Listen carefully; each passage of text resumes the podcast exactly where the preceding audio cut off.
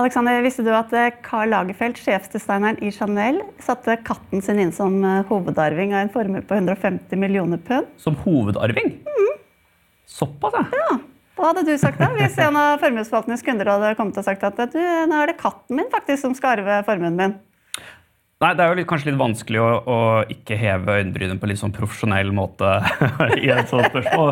Man, man har jo vært borti mye forskjellig, men den der tror jeg kanskje jeg ville prøvd å syreteste en gang til. Ja, jeg tenkte Det kan jo bli litt sånn problem med arvingene her. da. Arvingene til katten tenker jeg på. Hvis Kan alle, det bli mange arvinger ofte? kan bli veldig mange. Mine og dine barn det får jo nye dimensjoner når man tenker eh, den situasjonen her. Ja, Litt sånn udefinerbar arverekkefølge. Ja. Til katten tenker jeg på. Ja, ikke sant? Ja. Ja, og ikke minst hvis de da kanskje også vil ha katten som eh, fremtidsfullmaktshaver. Er det det det Ja, heter? ja ikke sant? Fremtidsfullmektig. Fremtidsfullmektig, ja. jeg er litt sånn usikker på om det er juridisk holdbart, men det er kanskje ikke det som er det største problemet. Det, det, og det kan jo dukke opp mange arvinger som man ikke kjente til. Det kan bli, en, det kan bli spennende rettssaker. Det kan det. Og med dette ønsker vi velkommen til Arvepodden sesong to.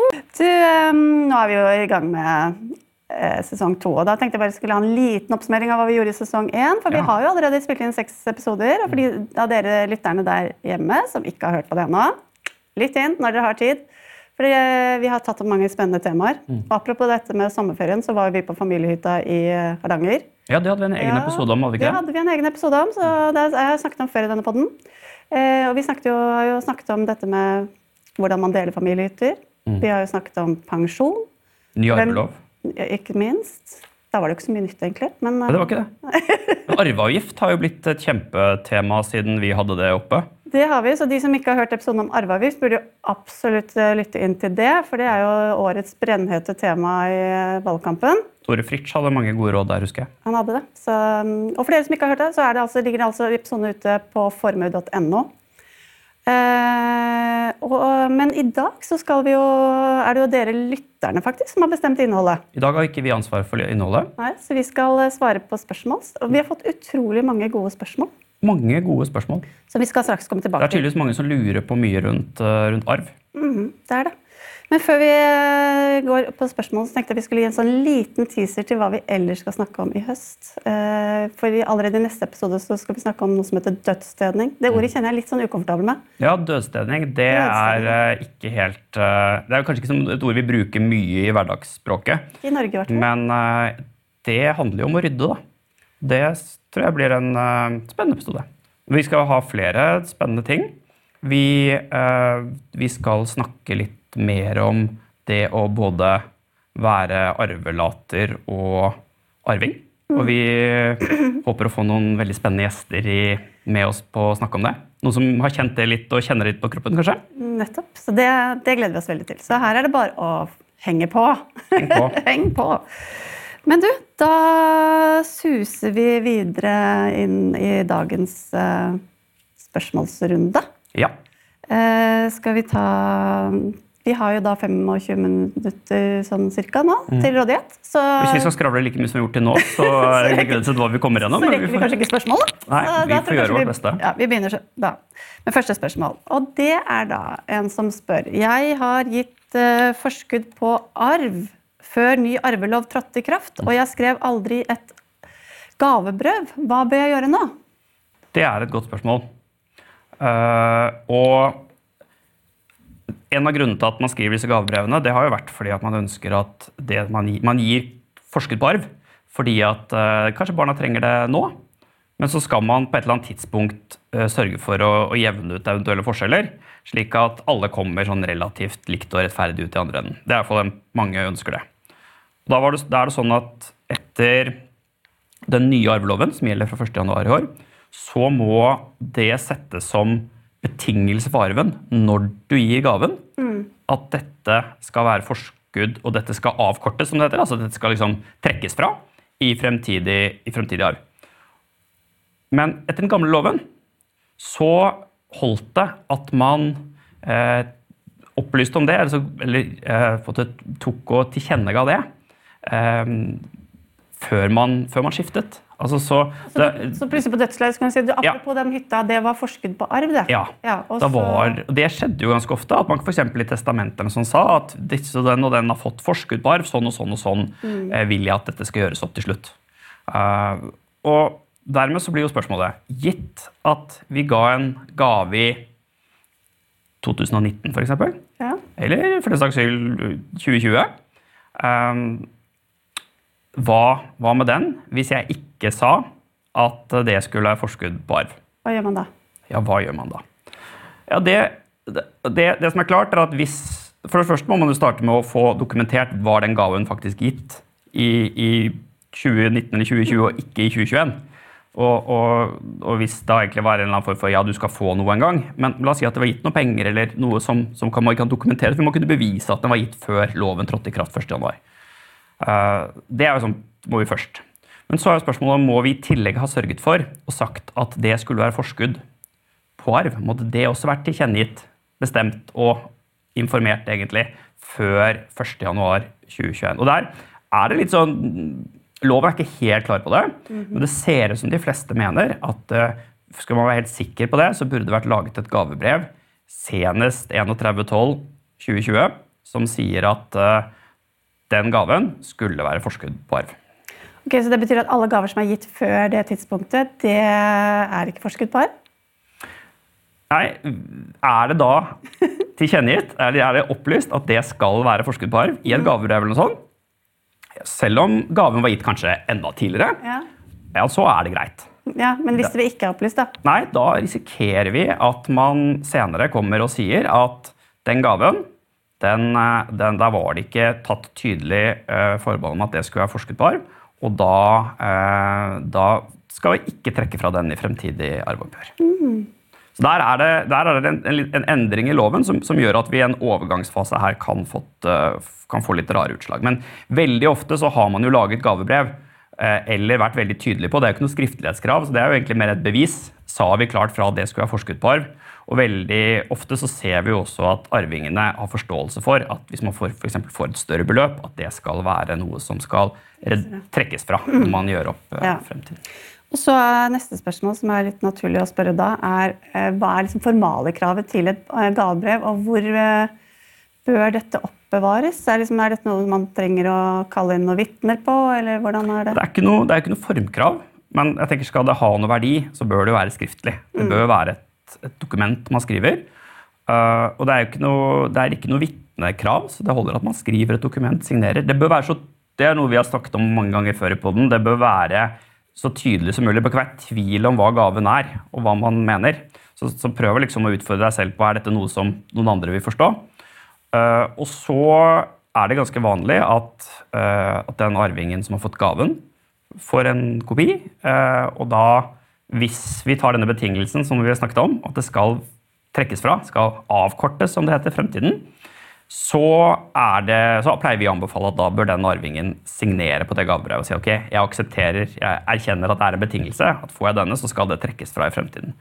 Uh, og så pleier vi å anbefale også at man kanskje beholder et selv, eventuelt oppbevarer rett hos, uh, hos den advokaten man har brukt, hvis man har brukt det. Og så er det sånn at Hvem er det som har mest interesse av disse gavebrevene i fremtiden?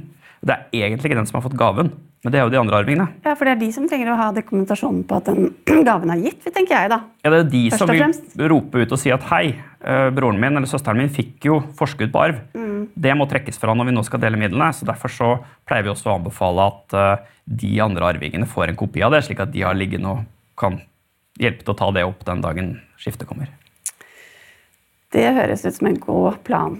Ok, så er det en som spør om dette med pliktdelsarv. Eh, og eh, det er jo noe som vanligvis eh, kommer til utbetaling når eh, man går bort.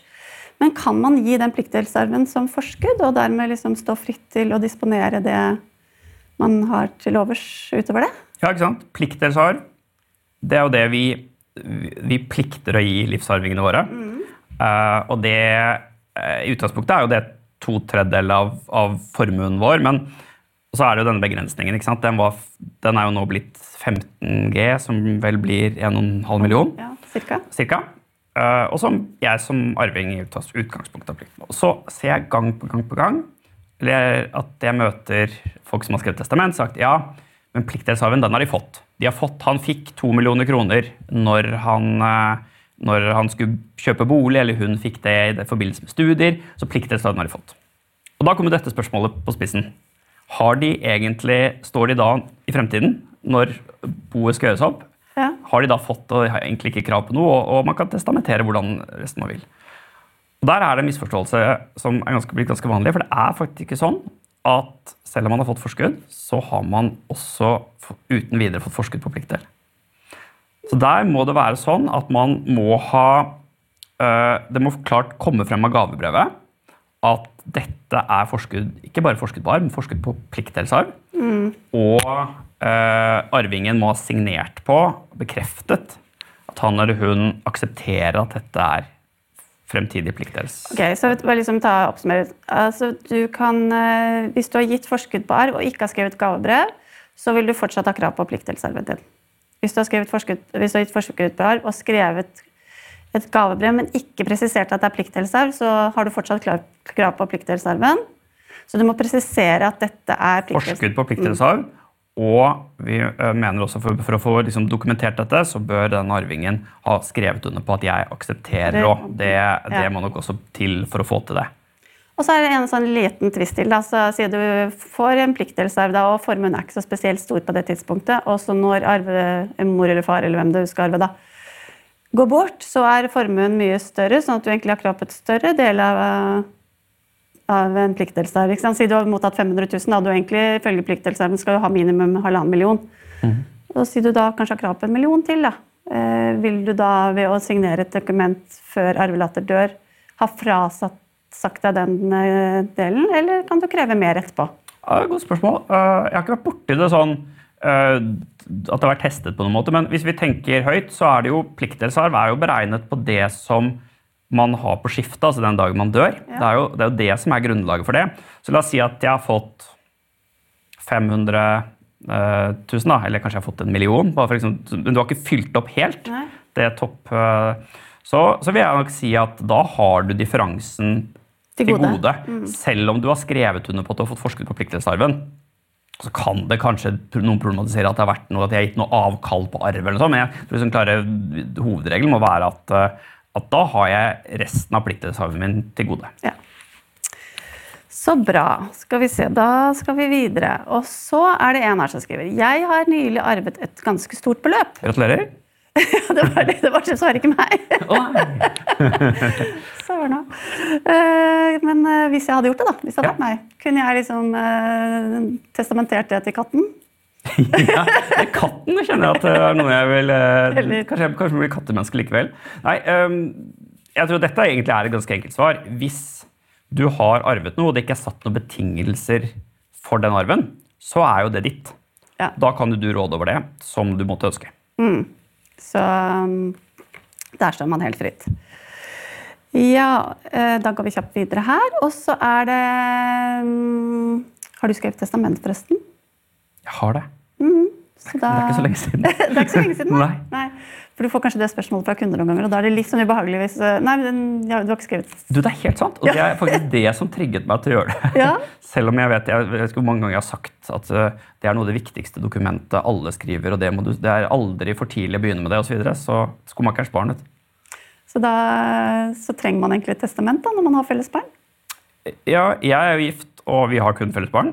Så trenger jeg et testament. Uh, og det, det, det er et veldig enkelt svar på det òg. Det er ja, altså. Ja. Fordi at uh, det er én ting som veldig mange ønsker, og det er jo dette, dette med særeie. Det vet jeg vi har vært innom i noen podder før, så de som vil repetere det, får gå og spole tilbake. Men, men, men det er jo mange som ønsker at hvis barns ekteskap skulle ryke, så ønsker man at liksom, det skal bli hos, hos barna. Og da, da er det måten å sikre det på, det er at det gis klar føring for det testamentet. Ja. Uh, og en annen ting er jo fordeling av eiendeler.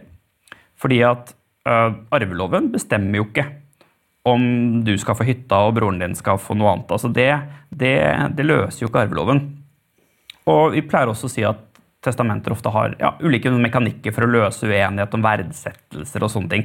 Så, så du skal ikke ha så veldig kompliserte forhold for at, at arveloven ikke helt løser de Kommer til kort. ja, og så er det et spørsmål om å si at arveloven har jo en løsning. Og nå har du blitt ganske god i arverett etter hvert, men de aller færreste, når jeg spør ja, vet du hva arvelovens løsning blir for deg, da, kan fortelle meg hva slags løsning Den- deres situasjon, altså hva, hva vil bli deres arveoppgjør, basert på arvelovens løsning. Og det i seg selv tenker jeg, det er jo et, Da bør det ringe en, en varselklokke. da. Når jeg ikke egentlig aner. Jeg sier at jo, men arveloven løser det, men jeg aner ikke hva det vil si. Fikk du noen aha- aha-opplevelser når du selv skulle skrive det testamentet, eller hva gikk det greit? Ja, jeg, det var litt sånn mer komplisert. Og jeg har jo ikke så veldig kompliserte forhold, dessverre. Eh, Eller heldigvis, det kan man jo si avhengig av hvordan det er. Men, men det er jo særlig dette kanskje med hvem skal få hva, og hvordan skal jeg da utjevne og gjøre ting. Så hvem skal arve hytta på fjellet nå? Ja? Seilbåten. Ja, og så har jeg også småbarn. Jeg tenker sånn naivt foreløpig at de skal eie allting sammen. Men jeg har jo samtidig sett nok arveoppgjør til at det er ikke bare bare å gjøre. Så akkurat den der fordelingen av eiendeler, det er- kanskje noe av den viktigste øvelsen vi gjør. Ja. Jeg synes det er så bra med de som klarer å gjøre det mens barna er i live, for da blir det liksom en sånn åpen diskusjon om det, egentlig. Bare sånn hiv alle kortene opp i været. Hvem har lyst på hytta, hvem har lyst på det? Og hvis det er eh, flere som har lyst til å arve sammen, så kan man løse det kanskje mens foreldrene er i live, så man får en sånn tredjepart og en fornuftig diskusjon rundt det, i stedet for at det skal bli en sånn opphevet debatt etterpå. Ja, og, og arveloven løser det jo ikke. Nei. Arveloven sier jo i utgangspunktet at man kan bli enig, arvingene får bli enige. Så er det noe sånn dersom særlige grunner tilsier at én skal arve en ting, og de andre ikke har noen sånn spesiell god grunn til å motsette det, sånn, men det, det blir i praksis ganske snevert unntak. Og da ender man jo i verste fall med å måtte at man kan kreve å selge. Det kan jo arvingene da hvis man ikke klarer å bli enige. Og, og det er jo gjerne ikke det man ønsker heller. Nei. Så særlig kanskje disse fritidsboligene, øh, men også litt sånne ting som klokker og, og kunst. Det var jo et spørsmål om det litt senere. ikke sant? Så hvordan skal vi fordele det? Kan man klare å, å gjøre noe med det mens man er i live? Og, og ikke minst kanskje gjøre det i testamentet? Det, jeg, jeg føler vi har svart på spørsmålet. At ja, man trenger det. Suser vi videre bare, da. Vi stuter videre. Ok, Her er det en som forteller at eh, min far han sitter i uskiftet bo, men har nå flyttet sammen med en ny kjæreste. Det skjer jo. Eh, Det skjer ganske ofte. Men kan jeg da kreve morsarven min? Og da, da forutsetter vi i utgangspunktet at, at det bare er liksom felles barn. Hvis, hvis det er noe sånn øh, dine og mine særkullsbarn her, ja, så kan man jo i utgangspunktet ikke sitte i utskiftebo. Så, så nå tenker vi at ok, det er, det, er, øh, det er bare den som spør, eller det er bare felles barn. Eh, Far har bare ett kull. Ja. Faren har bare ett, far har bare ett kull. Ja. Helt riktig. Det er en eller annen grunn alltid far i den, dette eksempelet, men det finnes sikkert andre veien også. Hvis far gifter seg med denne nye kjæresten, altså, så skal det skiftes.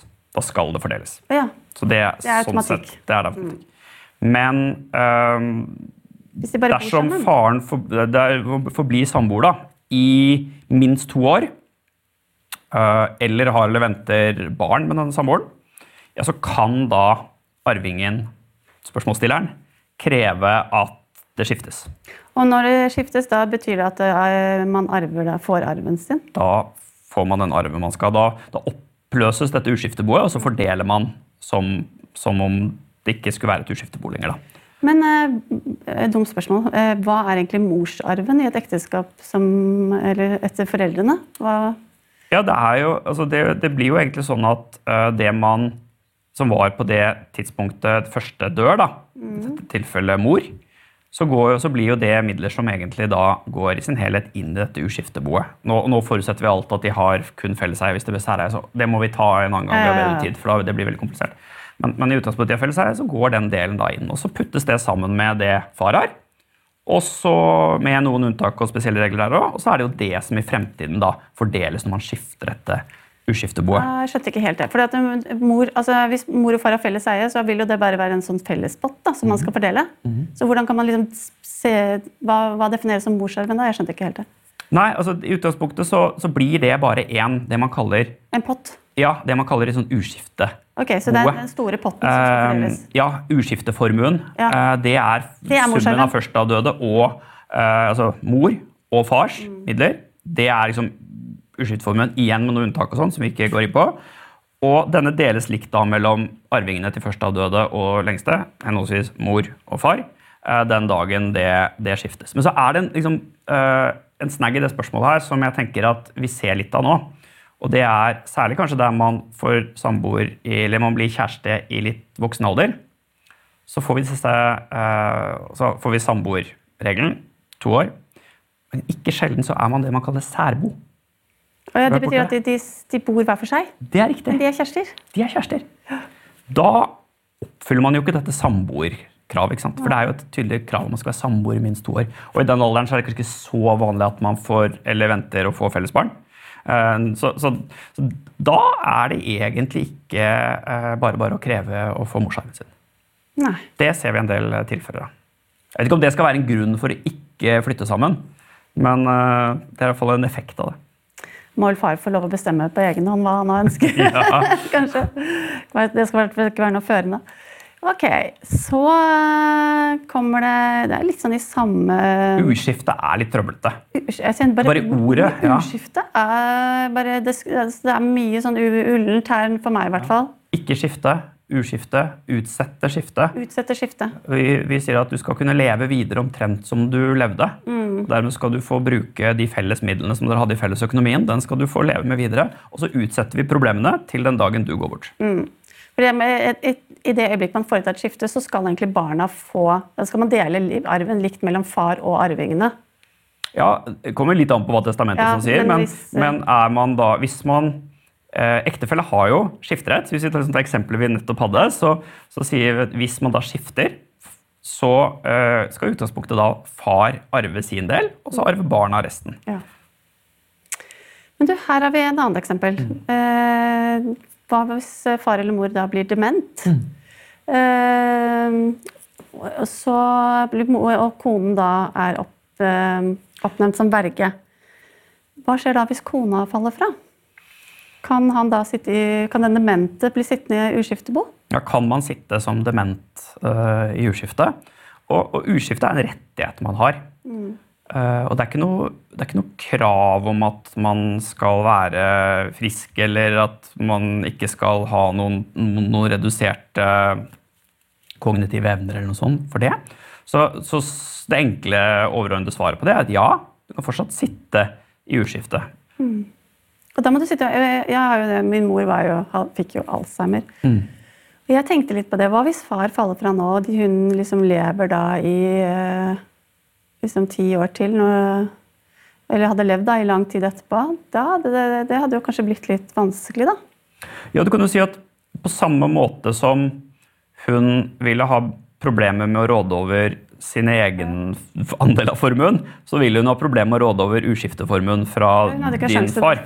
helt Så der kommer det noen andre regler inn. ja. Fordi at det, det, er jo ikke, det er jo ikke da gitt at, at man, man Hvis man ikke, er, ikke har lov til å råde over sine egne midler, så får man ikke råde over uskiftemidlene heller. Og da er det egentlig to spor. Det ene er jo at det vil bli oppnevnt en verge som tar seg av hele denne formuen. Uskifteformuen og alt det der. Det er jo det ene sporet. Ehm, og det andre sporet er jo at det kan finnes en fremtidsfullmakt. ja.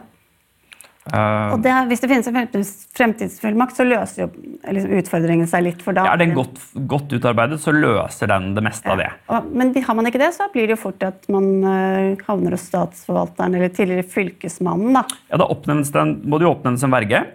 Og det er jo uh, alltid interessant, da, for her, er- for her er det jo ikke noen ektefelle som kan være verge. Du kan selvfølgelig tenke deg at det er noen barn. Uh, ett eller flere barn i fellesskap osv. Liksom over i det regimet. Og så er det jo da noen unntak for hva en sånn verge vil kunne forvalte, særlig av større finansielle verdier. Da kommer Fylkesmannen inn, og dette er jo det eh, stadig gjentagende temaet rundt fremtidsfullmakt verge. Det at Hvis man ønsker å ha en løsning for å forvalte eh, større verdier, så tror jeg både statsforvalteren og vi mener at fremtidsfullmakt er en god idé. Så jeg si at Ved utgangen av 2019 så var det faktisk 15 milliarder kroner som var under forvaltning av statsforvaltere rundt om i landet. Ja, stor formue, det. Nei, det var fordelt på 40 000 vergemålssaker. Da. Ah, ja? Så det er, eh, men det sier jo eh, sikkert at det er ganske mange som ikke har utarbeidet fremtidsfullmakt. Vi har jo snakket om dette med, familie, med familiehytta tidligere. Så var det derfor jeg kom på dette her. Eh, og her er en som spør. eh, Broren min da, fikk da, eller denne broren fikk da overta familiehytta rimelig. Eh, så er de litt sånn usikre. Tenk hvis han bare plutselig snur seg rundt og selger. Hva skjer da med gevinsten? Har de noen rettighet til den? Det der er jo, synes jeg, kommet, jeg, jeg synes Vi får det spørsmålet stadig oftere nå når hyttemarkedet har gått helt av Ja, det er det det her. Og det er jo ting som hver knatt og utedo har jo plutselig blitt verdt eh, mangfoldige millioner. Eh, og da, da, da kommer jo, kom jo det genet, eller hva skal vi si, den, den menneskelige egenskapen buldrer opp og sier er det noe urettferdighet. Enser jeg urettferdighet? Har en fått mer sologlass enn den andre?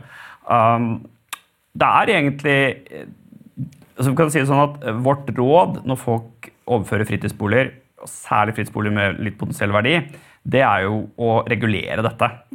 For Har du først gitt noen en hytte? Vi er liksom tilbake til det første spørsmålet eller et spørsmål som gikk på har du fått mye penger, kan du råde over dem?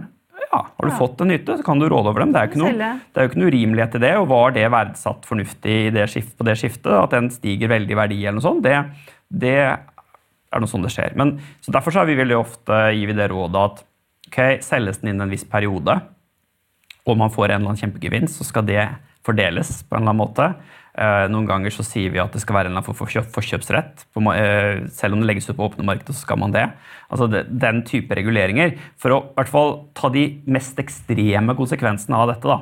Eh, det, det kan ofte være konfliktdempende. Mm, for det kan jo være vanskelig å sette en verdi på hyttene i dag. fordi at hvis man legger det ut, så kan det plutselig gå mye høyere enn det man hadde trodd. Ja, og så, Men så er det jo ofte sånne ytre ting. ikke sant? Så regulerte de, så kom det vei, så kom det alpinanlegg. og så alt, ja, liksom, Det er jo det som gjør at, eh, at eh, disse knattene og knøsene plutselig har blitt kjempeeksotiske. Er Eller kommer covid.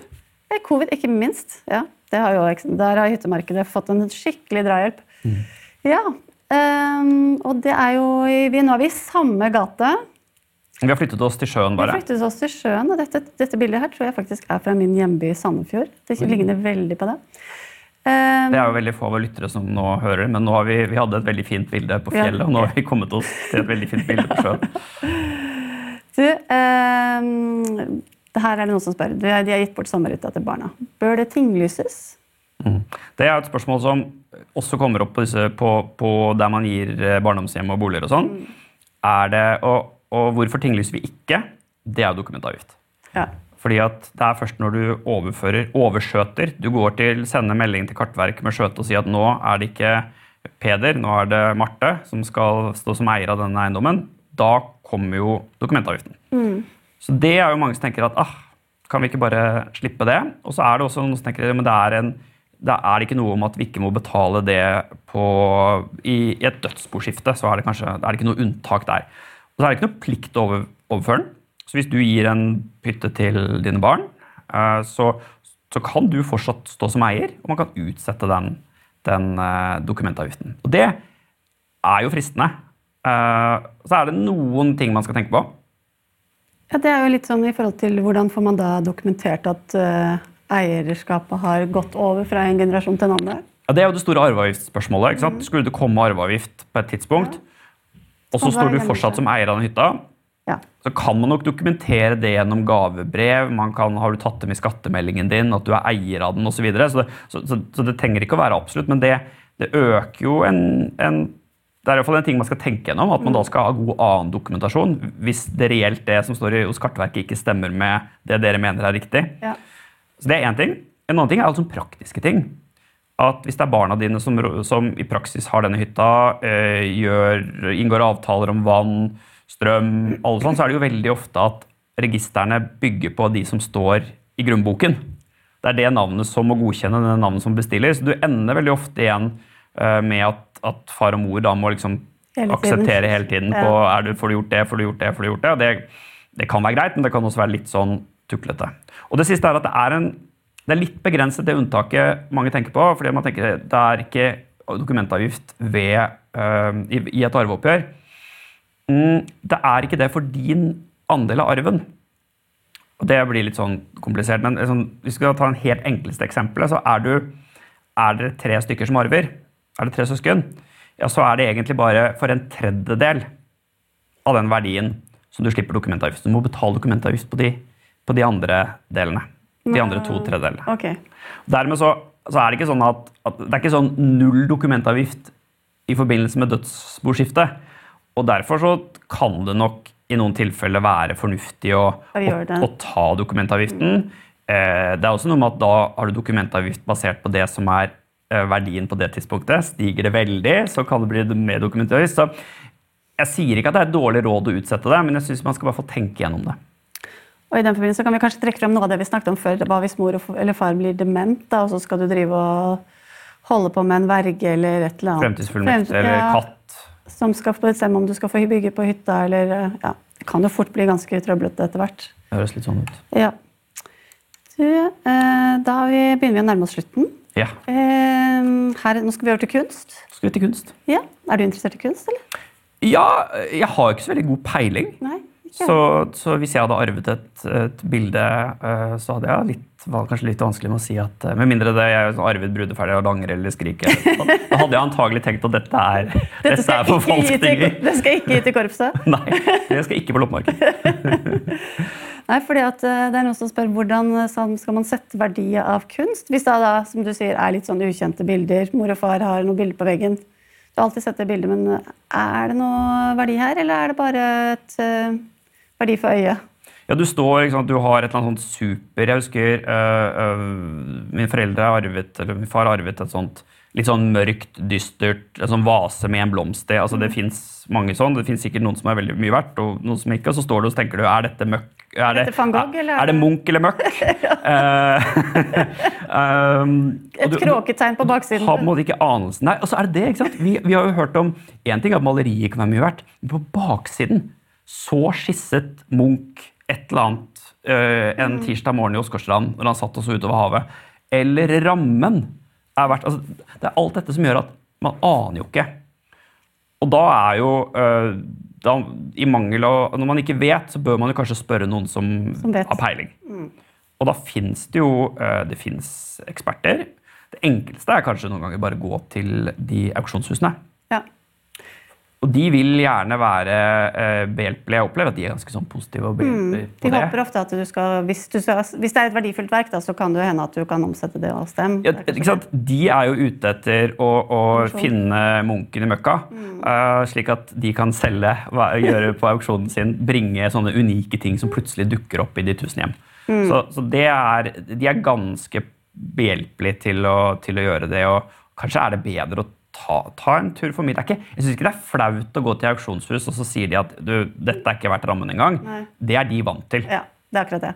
Og så er det sånn, eh, kan det være lurt å gå til flere auksjonshus. Det er jo mange som går til flere meglere når de skal selge en sommerhytte, liksom, for de stoler kanskje ikke helt på den liksom, for å skape et snitt, eller er det litt uh... Det, det kommer litt an på. Altså, hvis, hvis du ser litt at det blinker litt i øynene på den som ser på det, og at her kan det være et eller annet verk som, som kan ha noe interesse, så kan det jo være lurt å, å stikke stikke bort. Altså, det, kan, det kan være vel eh, Du kan tjene noen kroner på den, den turen, og i hvert fall sørge for at Uh, eh, jeg, jeg husker riktig så gikk det der bildet. Det tror jeg de ga på loppemarked for at det var liksom vurdert å ikke være, eh, være verdt noe særlig. Det, men det ble revet ganske fort bort av de som kommer først. Lø, har du vært på loppemarked? Som løper inn. Ja, det var en helt ny opplevelse for meg. Det var eh, nesten litt skremmende.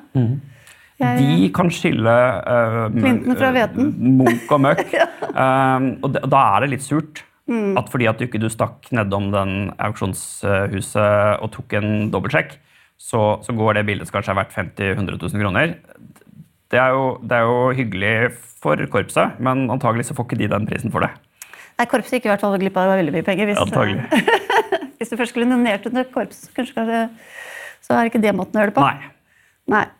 Nei, men du, da har vi fått svar på ganske mye Veldig mange gode spørsmål. Veldig mange Jeg gode spørsmål. vi Vi, vi hadde noen flere som vi ikke rakk å ha med, Ja. så vi skal love å svare på de. på mail. På mail. Og hvis det er noen av dere som hører på nå som har gode spørsmål, eh, så tenkte vi fremover at vi ta, skal ta og svare på ett spørsmål i hver episode fra lytterne. Så send spørsmål til podkast at formue.no. Vi er kjempeglade for alle spørsmål vi får. Og alle Og- tilbakemeldinger. Og alle tilbakemeldinger og temaer dere ønsker at vi tar opp. Det er også vi glad for. Ja, og I neste episode som sagt, så skal vi jo snakke om eh, dødsstedning. og Nå var vi litt inne på dette med loppemarkeder, og det er jo litt som forlengelsen av det. ikke sant? Du, til, eh, du skal rydde i din mors og fars hus. Hva er møkk, og hva er Munch?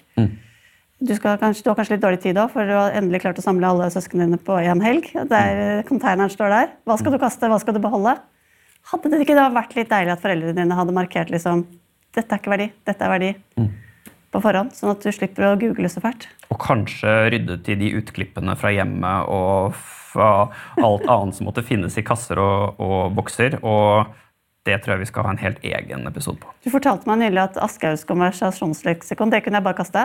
Ja, det, det, slo meg i hvert fall etter å ha vært, uh, jobbet på et loppemarked, uh, at uh, for de som måtte ønske å fylle hyllen med 13 eller 14 bind, så fins det mange muligheter. Til en billig penge. Til en billig penge. Med dette så sier vi takk for i dag. Tusen takk til dere som så på. Og um, hør oss igjen i neste episode, som kommer ut om to uker. Ha det bra. Ha det bra.